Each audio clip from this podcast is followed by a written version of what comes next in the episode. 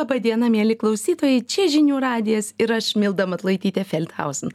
Dabar yra 12 valandų ir lygiai 9 minutės, na, o su jumis jūsų savaitės laida Labas Milda. Šiandien klausotės jau paskutinės sausio mėnesio laidos ir dėja šiandieninė mūsų laida nebus nei lengva, nei maloni. Kalbėsime labai sunkia tema - vaikų seksualinės prievartos tema. Šiandien mano studijos viešne - globos namų žovėje psichologė Vilma Paliaukienė. Labadiena, Vilma. Labadiena. E, klausimus mano studijos viešniai, kaip visuomet, galite užduoti mobiliojoje programėlėje arba skambinami į studiją. Mūsų telefono numeris yra 852 431 431. Dėkoju Jums, kad esame kartu. E, Vilma, Lietuvą sudrebinęs skandalas panašu po truputį rimsta. Ar nebus taip, kad e, jam visiškai nurimus kartu su juo į užmarštį ir nugrims ir pati problema?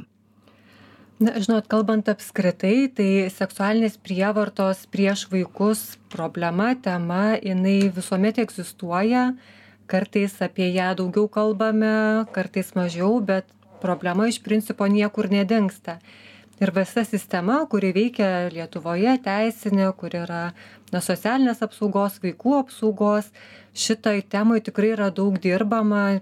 Nežinau kiek tai yra matoma plačiai visuomenei bet tikrai e, yra vykdomos įvairiausios veiklos ir šviečiamosios ir pagalbos teikimo vaikam edukacinės tai tokiame darbiniame lygmenyje ta tema tikrai nenueina užmarštin ir priešingai jinai gauna tokį na vis didesnę sklaidą informacijos apie tai mhm. sakykit o va tokie skandalai aš kažkada esu pati rašius prieš keletą metų apie pedofiliją vienam žinių portale naujienų portale ir aš rašiau kad ta tema mums lyg ir žinoma tai yra baisi tema.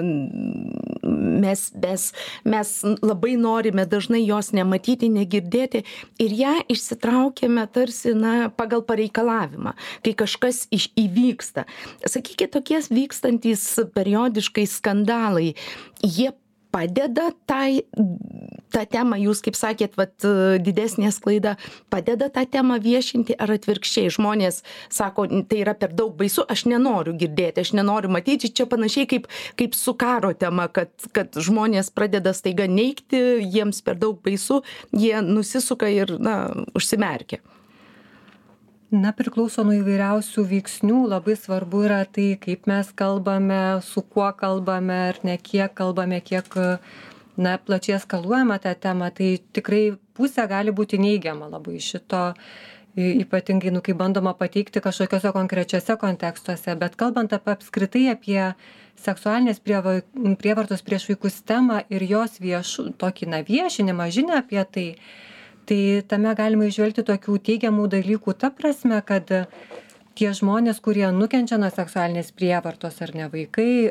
tie žmonės kurie yra šalia jų kurie mato jie kartais gali jaustis na labai vieni su ta tema kad aš esu vienas toks kuris su tuo susidūrė kad tik mano vaikas nukenčia arba aš esu tas vaikas vienintelis.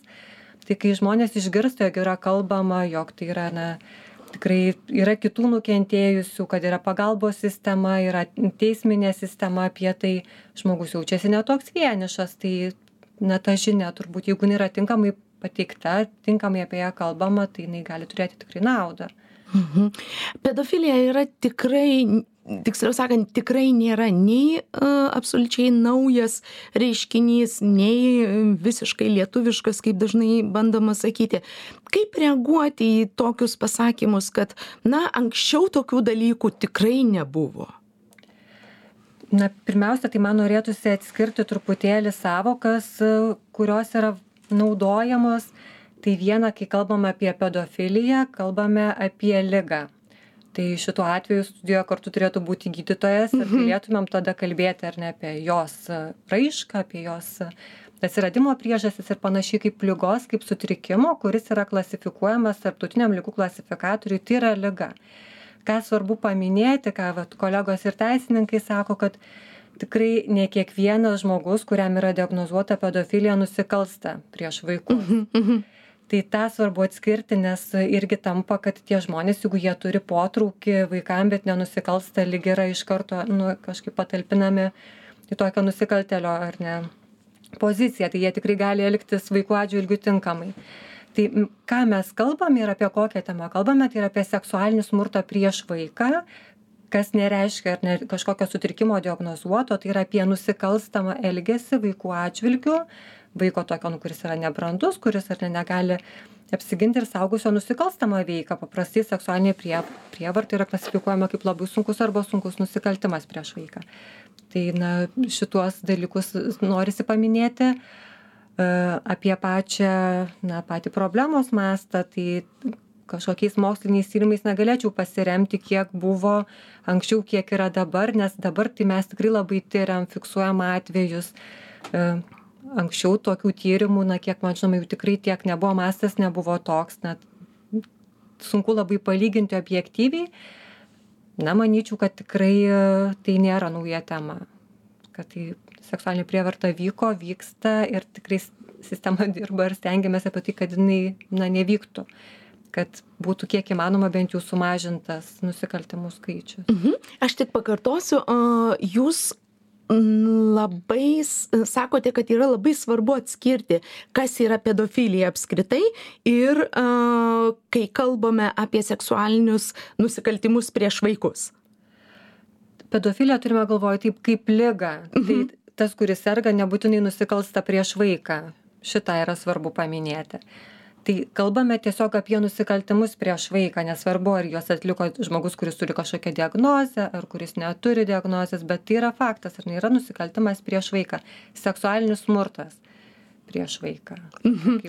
um, dabar lietuvoje labai dažnai kalbant apie gėjus, jie labai neretai yra prilyginami, na, tapatinami su pedofilais? Kaip kaip šitoj šituo atveju kaip reaguoti kaip kaip žmonėm paaiškinti kad tai yra visiškai visiškai skirtingi dalykai ir visiškai nesusiję vieni su kitais?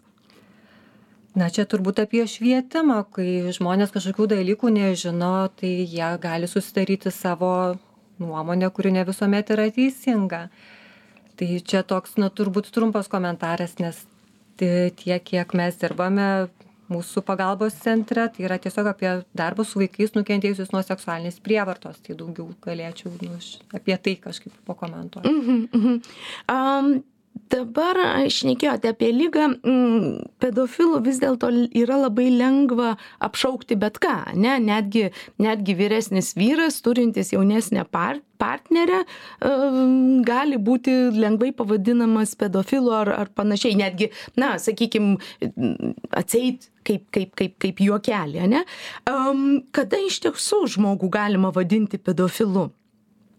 Kaip ir minėjau tai yra liga ir tam kad na gautumėte atsakymą reikėtų gydytojo nes yra kriterijai pagal kuriuos klasifikuoja kad mes vartojame sąvokas netinkamai ir vieni kitus kažkur tai tenai įžeidinėjame tai nėra apie tikrai pačią sąvokos esmę tai Mhm, mhm.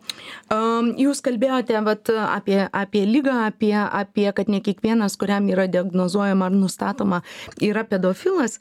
Um, aš galbūt šitoj vietoj pasiremsiu trupučiuką vokiečių uh, internetinę svetainę Netapk nusikaltėlių, kuris, uh, kuris būtent skirtas šitam klausimui. Pedofilija yra įvardyjama kaip seksualinis potraukis vaikams, kurių kūnai yra iki brandiminiai. Mm, taip pat aprašoma, kad tai yra vaikai neturintys išorinių brendimo požymių maždaug iki 11 metų. Kitas dalykas, ko aš Lietuvoje neradau ir neradau lietuviško, lietuviško netgi savokos - hebefilija. Ar jums sako tai ką nors? Man norisi pasikartoti apie tą patį kad e, aš esu psichologė mhm, ir mhm, į mhm. gydytojams skirtus klausimus aš tiesiog na negaliu atsakyti. Tai yra jūs kalbat apie medicinos sritį. Um, na taip gerai tuomet aš prieš pertrauką pabaigsiu kas yra hebefilija. Hebefilija reiškia kuomet pirmenybė yra teikiama vaikams jau su brandos požymiais tai yra tarp vienuolikos ir keturiolikos metų. Lietuviškai mes tokio termino net neturime jo nevartojame bent jau aš neradau. Tai dabar padarykime trumpą pertrauką po pertraukos tęsime toliau pertraukos grįžtame į studiją ir toliau kalbame labai opia tema seksualiniai nusikaltimai prieš vaikus. Vilma, sakykit, prašom, globos namai užuovėje, jie yra vieninteliai tokie Lietuvoje. E, taip, juose veikiantis vaikų nukentėjusių nuo seksualinės prievartos pagalbos centras yra vienintelis toks Lietuvoje. Ir centras veikia pagal Islandų modelį. Jie turi tokią na vaiko namo sistemą, kuomet tikslas yra jog visos paslaugos kurios yra reikalingos vaikui atsidūrusiui va tokioje situacijoje įskaitant ir ikiteisminio tyrimo procedūras būtų sutelktos vienoje vietoje.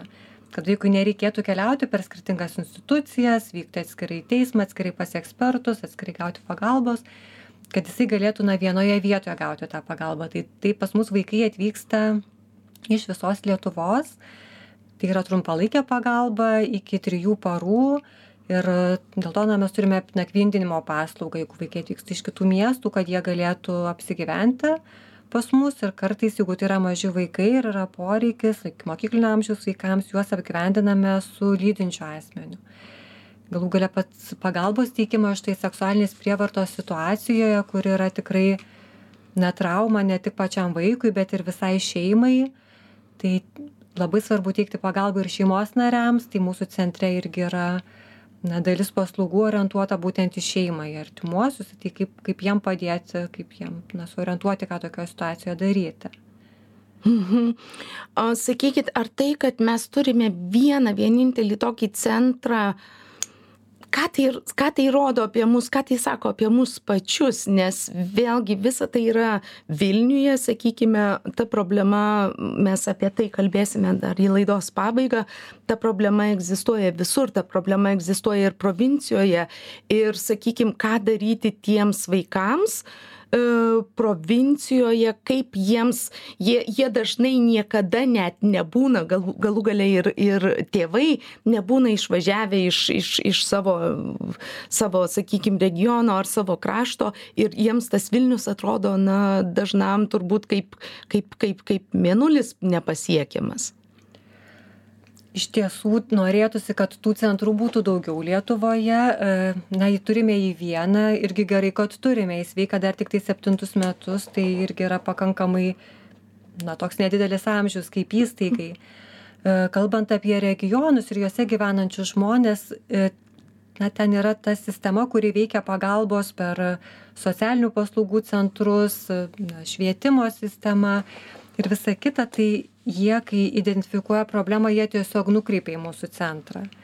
Tai tėvai tuomet atvyksta kartu su vaikais atvyksta iš regionų tai jie tos tokios pagalbos būtent pagalbos centro paslaugų savo mieste negali gauti bet yra na kiti dalykai tiek susiję su atpažinimu tiek su tolimesne pagalba nes ir pas mus atvykęs vaikas pabuvęs tris e, paras kuomet kalbam tikrai apie sudėtingą traumavimą seksualinę prievartą labai pažeidžia vaiką tai per tris paras negalime suteikti pilnai pagalbos tai yra apie situacijos įvertinimą ir tada vaikas grįžta į na kad ir regioną ir ten gauna pagalbą iš tų specialistų kurie yra šalia. Tai jeigu centras ir yra vienintelis yra vilniuje toksai vat specializuotas bet pagalbos galimybių vaikas turi visoje lietuvoje. Galbūt aišku skirtingų nuo nuo dydžio miesto ar ne vis tik realybė yra tokia bet ta pagalba yra organizuojama kuo arčiau vaiko gyvenamo vie gyvenamos vietos kiek tai yra įmanoma. Mhm. o dabar sakykit toks labai a techninis klausimas. Aš bandžiau ruošdamasi laidai aš bandžiau e, įvairiausias a įvairiaus išsi išsigūglinti ir į paiešką įvesdavau įvairiausius žodžius ar žodžių kombinacijas. Ir iš tikrųjų išskyrus straipsnius kažkokius ar ar nuorodas man neišmeta absoliučiai jokios informacijos. Kaip am turbūt e, tėvai ar ar ar patys vaikai nors kalbam tikriausiai apie įvai ir įvairiausią amžių pirmiausia turbūt nešneka e, gyvai o o bando ieškotis internete tačiau iš tikrųjų aš bent jau konkrečios informacijos na tokios neradau informacijos apie seksualinės prievartos atpažinimą? Na, tarkim, ką man daryti, aš va, mhm. tapau auka, arba mano vaikas tapo auka, kur kreiptis, kur, kur, kur galiausiai pasiskaityti, galiausiai va, įvairiausių tokių informacijų. Na, informacijos klaida e, yra vykdoma, jeigu jūs neradote, tai faktas, kad dar yra spragų ir yra kur tobulėti. Tai kalbant apie vaikus, jeigu vaikas ieško pagalbos, vėlgi yra vaikų linija, kur yra veikianti, kur gali tiesiog į tarnybom nukreipti. Dabar vaiko teisų apsaugos tarnyba turi irgi naują e, konsultacijų liniją, kur taip pat vaikai gali skambinti. Kažkiek, na, tos klaidos yra, bet suprantu, kad na turbūt jos yra nepakankamai bet tikrai labai svarbu kad vaikai žinotų ir kartais vat tai ką ir mūsų centro specialistai na ką bandome daryti mokyti vaikus kur kreiptis. Mhm, vat aš bu būtent turėjau pasiruo pasiruošusi šitą klausimą ar jiems aiškinama ar mokyklose aiškinama galiausiai ar tuose pačiuose vaikų darželiuose nuo kada pradedama vaikams aiškinti tai tai ką darome mes galiu nu turbūt labiausiai pakomentuoti apie tai tai mes matome poreikį vaiką mokyti nuo pat mažų dienų. Mhm. jisai gali išmokti bet kokių taisyklių tai yra apie metų dviejų metų vaiką. Turime išmokyti jį bent jau tokių elementarių apatinių rūbų taisyklių kad niekas negali liesti po apatiniais rūbeliais kad vaikas turėtų žinią koks elgesys yra netinkamas. Kad turėtų žinią jog tas elgesys gali ateiti iš bet kokio asmens kad nėra vieno kažkokio tai portreto žmogaus kuris nusikalsta prieš vaiką kuris netinkamai su vaiku elgiasi kad jisai išmoktų atpažinti ne pavojingą žmogų bet netinkamą elgesį. Tai e, tas švietimas toks na pradedamas nuo pačių mažiausių dienų. Darželiuose jau. Darželiuose e, mes patys turime programą ikimokyklinio amžiaus vaikams tai čia vėlgi kiek yra švietimo sistemoje aš tiksliai nežinau kiek yra integruota ten tų programų kiek jie apie tai kalba bet kūno saugumo saugumo prieš smurtinės programos jos veikia jos egzistuoja ir principai jose yra visur tie patys apie tai kad vaikas mokėtų atpažinti mokėtų pasakyti stop tiek kiek jisai gali. Jisai nebūtinai galės tai pasakyti ir kad žinotų kur kreiptis kad turėtų žmogų kuriuo gali pasitikėti kuriam gali pasakyti jeigu tokio nėra kad jisai galėtų paskambinti tomis tarnybomis kurios yra nu teikiančios paslaugas Mhm, mhm. O sakykim, jūs sakot, vat prieš mokyklinėse, ar vaikui yra konkrečiai sakoma, vat jeigu tau taip nutiko, ką tau daryti, nes, na, suprantama, kad e, penkiametis, šešiametis jis tikrai niekur nepaskambins ir turbūt, e, ar konkrečiai, vat jeigu tau taip nutinka, tu gali kreiptis, tu gali sakyti, tu gali šnekėti, kaip yra mokomi vaikai. Vienas momentas tai yra apie tai, kad mes išmokom, ar ne, kaip ir sakiau, tos apatinių rūbelių taisyklės, ką negali, Mhm. kur kas negali liestis. Tiesiog pasakydami vaikui. Pasakome vaikui, kad mano pri- kūnas priklauso man. Tai labai maži šitą irgi supranta, kad mano kūnas priklauso man, kad niekas kitas neturi teisės prie tavęs liestis, jeigu tu to nenori. Na, išimtinius kažkokius atvejus ten apie gydytojus ir panašiai pavardinami. Vaikas gauna apie tai žinę. Jisai jau žino, kad, aha, negalima. Ir kartais būna, kad vaikai mažiukai lopšelio pareina namo ir sako, mama, man po triusikėliais prisilietė. Nes jisai žino, kad buvo taisyklė ir ją kažkas sulaužė. Tai tada jau yra mamai ženklas ar tėčiui ar ne, ar kažkam, kam jisai papasakoja, kad kažkas buvo ir tada bandom suprasti, gal ten buvo tiesiog auklėtojo padėjo higieną susitvarkyti, gal kitas vaikas mušė, gal dar kažkaip jau turime situaciją, apie kurią galime svarstyti ir bandyti suprasti, kas įvyko. Tai čia tokia pagrindinė žinia turbūt, kad vaikas apskritai mokėtų atpažinti, nes maži vaikai dažniausiai nežino, kad tai yra netinkamas elgesys, juolab, kad asmenys prieš juos smurtaujantis tikrai neretai pasako, kad visi mylintys tėvai šitaip daro. Šitaip daro. Mhm. Ačiū Jums už, už atsakymus, padarykime trumpą pertrauką. Pertraukos grįžtame į studiją, dabar yra 12 valandų ir 34 minutės. Na, o šiandien mano studijos viešne globos namų užuovėje psichologė Vil, Vilma Paliaukienė. Um, pradėkime nuo klausytojų, uh, pasivadinusio klausytojo klausimo. Jisai klausia, kur rasti statis, e, vaikų tvirkintojų statistiką. Nejau tai nėra tyriama.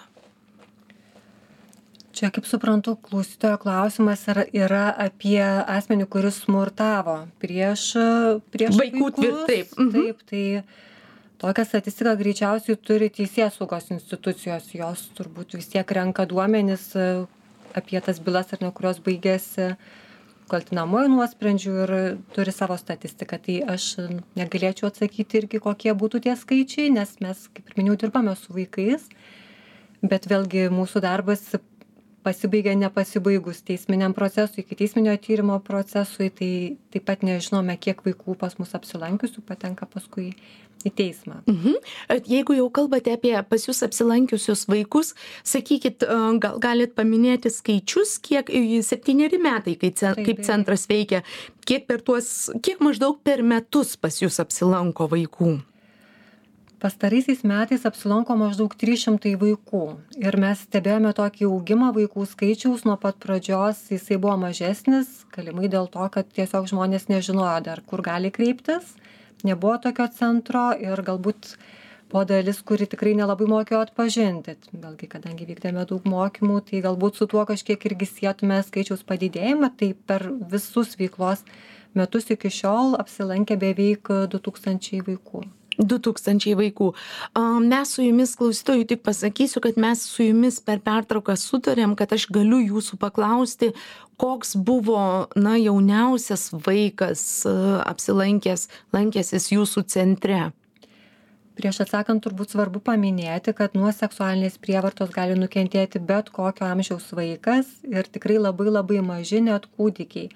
Tai savo centre esame turėję ir kūdikių ar ne kas yra iki vienerių metų amžiaus ir šitoj vietoj visą laiką norisi priminti e, tą žinią nes iš tiesų kai galvojame kad nukenčia paaugliai ar vyresni vaikai tuomet tų mažų vaikų mes na tampame nepajėgūs identifikuoti kad tai taip pat gali būti seksualinės prievartos auka Mhm, mhm.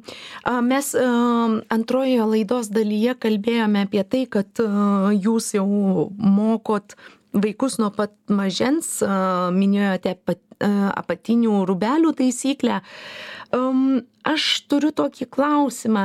Mes iš tiesų Lietuvoje vis dar turime gana didžiulę problemą su atstumais, su, su, būtent su fiziniais atstumais toje pačioje parduotuvėje ar, ar autobusuose grūdamės ir, ir tas mes, mes iš tikrųjų ne, negerbėme vienas kito tos intimios rib, ribos. Ir kūnas vis dar dažnai nepriklauso vaikui, ar aš esu turėjusi mm, studijoje svečią vaikų psichoterapeutą e, psichiatrą ir mes e, su juo kalbėjome apie tai, kad labai dažnai vaiko kūnas iš tikrųjų vis dar nepriklauso pačiam vaikui, tai yra e, mes labai lengvai dar aptarinėjame vaiko, na, tu sukūdai, ar tu ten sustorėjai, ar ten tau tas tinka, ar ten, ar ten anas e, netinka. Galbūt prieš edukuojant vaikus reikia pradėti ir nuo tėvų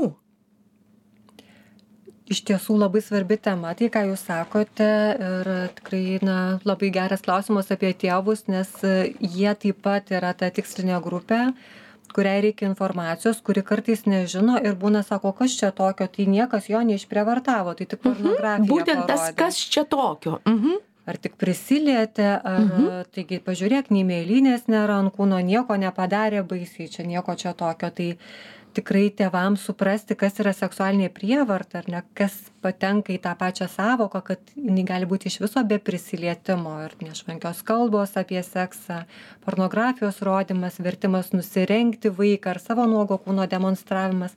Įvairiausių yra veiksmų žmonių atliekamų kurie yra traktuojama kaip seksualinė prievarta. Tik kai tėvai nemato problemos ar kiti žmonės kurie yra šalia labai dažnas atvejis būna su mergaitėmis, kurios yra mažametės, bet jau, na, tarkim, 13 metų mergina susiranda draugą, kuris yra pilnametis. Mhm.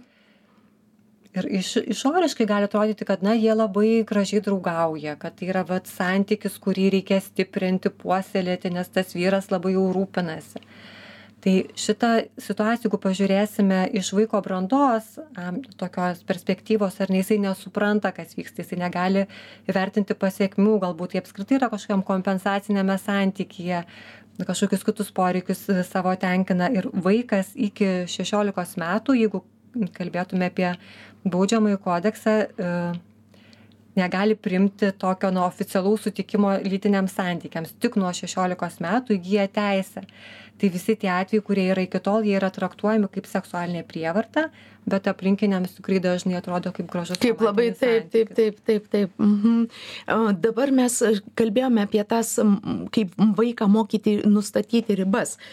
E, Vis dar labai dažnas atvejis, kai, vat jūs sakot, jūs labai teisingą, teisingą um, kampą paminėjote, kad, kad labai dažnai dalykai vyksta su, su aplinkiniu, su ypač ar- pačių artimiausių sutikimu, net skatinimu, net vertimu. Pavyzdžiui, duok būtuką, nu duok būtuką, va tai tetai, tai tam dėdai ar, ar, ar dar kažkam, juk vaikas vis dar labai dažnai, nu būk geras, ne? Būk geras, pa, pa, pabučiuok, nors vaikas matosi, kad, kad tikrai nenori, gal, galiausiai gal, gal, gal jam atgrasu ir panašiai, bet jis yra verčiamas ir tai yra, na, kaip jūs sakot, pritariama, artim, a, artimiausiai pritarė. Taip, ir lyg, ir dar gali būti tam ir kaltinimo, kad tu nemandagiai elgiesi, Taip. jeigu tu nesutinki. Tai visą laiką labai svarbu atsižvelgti į vaiką, matyti jį, matyti jų poreikius. Galbūt vienas tikrai mėgsta pribėgti, apsikabinti, pabučiuoti ir jisai taip, na, parodo kažkokius šiltus jausmus. Kitas vaikas nemėgsta, jam galbūt yra tikrai nemalonu prie ten, nežinau, nepažįstamo, tokio pusiau pažįstamo saugusio žmogaus liestis tai labai svarbu tą pamatyti ir tikrai neversti vaiko, kad tu turi taip padaryti. Pasisveikinimui būdų yra visokiausių, galiu tiesiog pasakyti labas, galiu Ranką paduot, nusiųsti, Galiu ir, ir ranką paduoti arba atsisakyti paduoti. Tai, tai ką ir sakome ir ką jūs minėjote, ir ne apie tai, kad kiek vaiko kūnas priklauso vaikui, jisai turi turėti tą žinią, kad mano kūnas priklauso man ir jeigu aš nenoriu, kad dabar mane kažkas apkabintų, net jeigu tai nėra prievartinis veiksmas, tiesiog aš nenoriu šiuo metu vaikas gali atsisakyti. Taip, jeigu jisai nuna paskyti, tai ir jį reikia paskiepyti, jisai nenori. abejo, bet tai yra apie vaiko interesą. Tai Jūs kalbėjote apie tuos kelis iš, išskirtinius Taip. atvejus, kuomet vaiką reikia ir, ir jis turi būti liečiamas, apie gydytojus ir... Ir dar ką noriu paminėti, kad vaikas turi turėti žinę, kad jisai gali pasakyti ne, kad jisai turi kažkiek autonomijos tiek, kiek jisai gali turėti vaikiškame amžiuje, kad jisai gali pasakyti, aš nenoriu, kad tu mane dabar paimtum už rankos ir tas augęs nepaima, jeigu tai yra saugu, jeigu gali tuo metu nepaimti. Kad vaikas mokytųsi paprastuose dalykuose pasakyti ne. Tada prievartos situacijų, jeigu tokia pakliūtų, jis jau turi patirties, kad, nu, neliesk, stop. Mhm. Vladislav Golovnicki klausė, kaip visuomenė gali pakelti samoningumą apie vaikų nuotraukų per, apie per didelį dalinimąsi vaikų nuotraukų socialiniuose tinkluose, kai tai daro patys tėvai. Tai irgi labai opi tema, ačiū klausytojui už klausimą. Iš tiesų riba tarp to, ką mes galime viešinti ir dėti į internetą, kur yra tas, kas yra tinkama ir kur yra nebe. Tai čia vėlgi, ką paliečia ir klausytojos klausimų, tai nėra vien apie vaikų neišmanimą, nežinojimą, ką galima kelti, taip pat ir apie tėvų, nes kiek mes rizikuojame įdėdami kažkokią asmeninę informaciją, tiek kalbant apie na nežinau nuogo kūno nebūtinai pilnai apsinuoginusio bet nu vat kažkokio tokio irgi ir kiek mes įdedam asmeninės informacijos kur mes gyvenam kur mokomės kiek vaikai įdeda tokios informacijos. Ir jie jeigu neturi tokio na kritiško požiūrio tarkime į socialinius tinklus kad žmogus gali kreiptis kviestis į draugauti ar bendrauti prisistatydamas nežinau mergaitė trylikos metų o būti iš tiesų suaugęs žmogus ir ne kiek ten slypi pavojų tai irgi apie tai yra mokoma tai turbūt į vaikus dar yra nukreiptų tų programų kiek tėvai apie tai gauna žinių kiek jie turi savo tokio na vidinio pajautimo kad tai nėra tinkama. Ir kitas dalykas kiek atsižvelgiama į vaiko nuomonę. Vaikai kartais sako net ir pakankamai maži nefotografuok manęs aš nenoriu. Tai kiek- Oi, meilutis, gražutis ir... mhm, ir kiek mhm. tėvai sustoja kiek jie nu gali gerbti vaiką ir nu nefotografuoti toj vietoj neviešinti nuotraukos nesiųsti tai apie labai nu daug temų paliečia šitas klausimas Kažkaip tėvai vis dar galvoja, kad vaikai yra kaip daiktas priklausantis, priklausantis jiems ir pamiršta, kad internetai ir socialiniai tinklai niekuomet nieko nepamiršta. Vilma, padarykime pertrauką. Ketvirtoji ir paskutinė mūsų laidos dalis. Su psichologe vilma paliaukiene kalbam apie seksualinį smurtą prieš vaikus. Am prieš išeidami į pertrauką mes su jumis kalbėjome apie tėvus keliančius savo nuogų vaikų am į socialinius tinklus nuotraukas. Aš pasidalinsiu savo patirtimi kai aš po aptikus keletą vat savo savo sekėjų tokių nuotraukų parašiau parašiau įrašą socialiniame tinkle facebook ir gavau susilaukiau iš tikrųjų labai blogų reakcijų kaip man čia maždaug paranoja ir ką aš čia kur aš čia įžvelgiu visur visur viską ką jau čia nebegalima čia mums tų nuogų vaikelių nu nuotraukomis pasidalinti ir buvo netgi išvedžiota iki tiek kad tai maždaug bet koks jau tėvams skirtas žurnalas kur kur kur vaiko nuotrauka ant ant viršaus gali būti pedofilų maždaug grobis. Kur ta riba kur ta plonytė riba? Sudėtinga turbūt tai pamatuoti bet ką norėtųsi atkreipti dėmesį tai vienas momentas yra kaip tėvai elgiasi kaip jie mato kur jie brėžia savo asmeninio gyvenimo ribas. e, kitas dalykas yra žinia kurią perduodama vaikui. Kai vaikas na neturėdamas dar savo tokio asmeninio pasaulio matymo ir ne ką tėvai pasako kaip tėvai padaro tai atrodo kad e, viskas tas yra. Tai tikrai atsiranda rizika kad jeigu tėvai platina vaiko na nuogo ar apsinuoginusio dalinai nuotraukas vaikui gali tai atrodyti kaip norma kad yra normalu ir jeigu parašys jam kažkas ko jisai nebūtinai ir pažįsta o galbūt ir pažįsta visaip kaip gali būti ir paprašys atsiųsk. Galbūt tikslu tikrai tą vaikui išnaudoti platinti tas nuotraukas pardavinėti na įtraukti į pornografijos tinklą į nežinau prekybą žmonėmis ir panašiai. Vaikui tai gali pasirodyti kad yra nu normalu kad galima taip daryti nes mano tėvai taip daro. Tai kaip įprasta taip. Kad tai mm. yra įprasta kad tame yra e, nieko tokio tai tikrai svarbu kokią žinią savo elgesiu mes perduodame vaikams ir kiek tikrai yra svarbu įdėti kažkokias nuotraukos kurios mus asmeniškai džiugina ir kiek galima galbūt kažkaip nuspręsti kad na pasilaikysiu sau Mhm. Vilma, pakalbėkime apie dar vieną a, aspektą, apie ži žinojimą ar nežinojimą. Um, savaitgalį uh, Kauno diena rašo apie pedofiliją Europos kultūros bendruomenėje, jog Europos kultūros bendruomenė sukrėtė pedofilijos skandalas, jo epicentre atsidūrė kino ir teatro žvaigždė, austrų aktorius Florianas Teichmeisteris. Ir vėlgi straipsnėje rašome apie tai, jog galiausiai, kai visa šita, šitas, reiškia, incidentas iškilo į viešumą, jo kolegos, ar, ar reiškia, jo kolegų komentarai, esą aktoriaus ryšys su neleistina pornografija nieko nenustebino.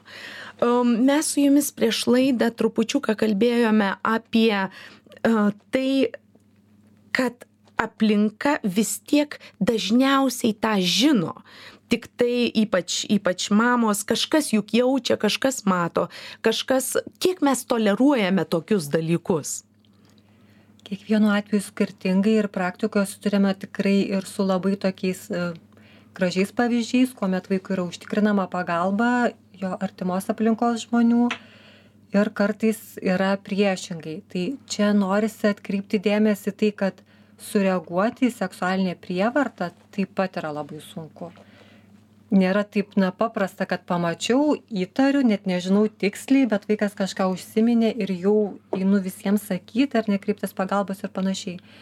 Žmonės yra kaustomi baimių e, kadangi prievarta dažniausiai vyksta artimoje aplinkoje iš žmonių kuriuos vaikas pažįsta kuriais pasitiki kuriuos žino. Tėvai taip pat su tais asmenimis yra kažkokiame tai santykyje. Galbūt tai sesuo brolis tėvas mama na įvairiausiai. Tai pradėti procesą baudžiamąjį ar ne pasakyti kad aš žinau kad tu taip elgeisi ir dabar aš kreipsiuosi į policiją. Drąsos reikia tikrai labai labai nu didelės ir tokio sąmoningumo na iš tiesų situacijos būna tikrai labai sudėtingos ir visą laiką na džiaugiamės kai tėvai ar na kiti žmonės skambina į mūsų pagalbos centrą ir tariasi kaip reaguoti ką daryti. Man labai baisu kaip prašo tame pagalbos nes tame sureagavime tikrai gali reikėti pagalbos. Ir vat kaip jūs sakot mamos nepasako kad vaikai nukenčia žinodamos. Tikrai visaip būna bet čia svarbu nenuteisti iš karto kad kokia tu mama nepasakei nepabandyti suprasti kas vyksta.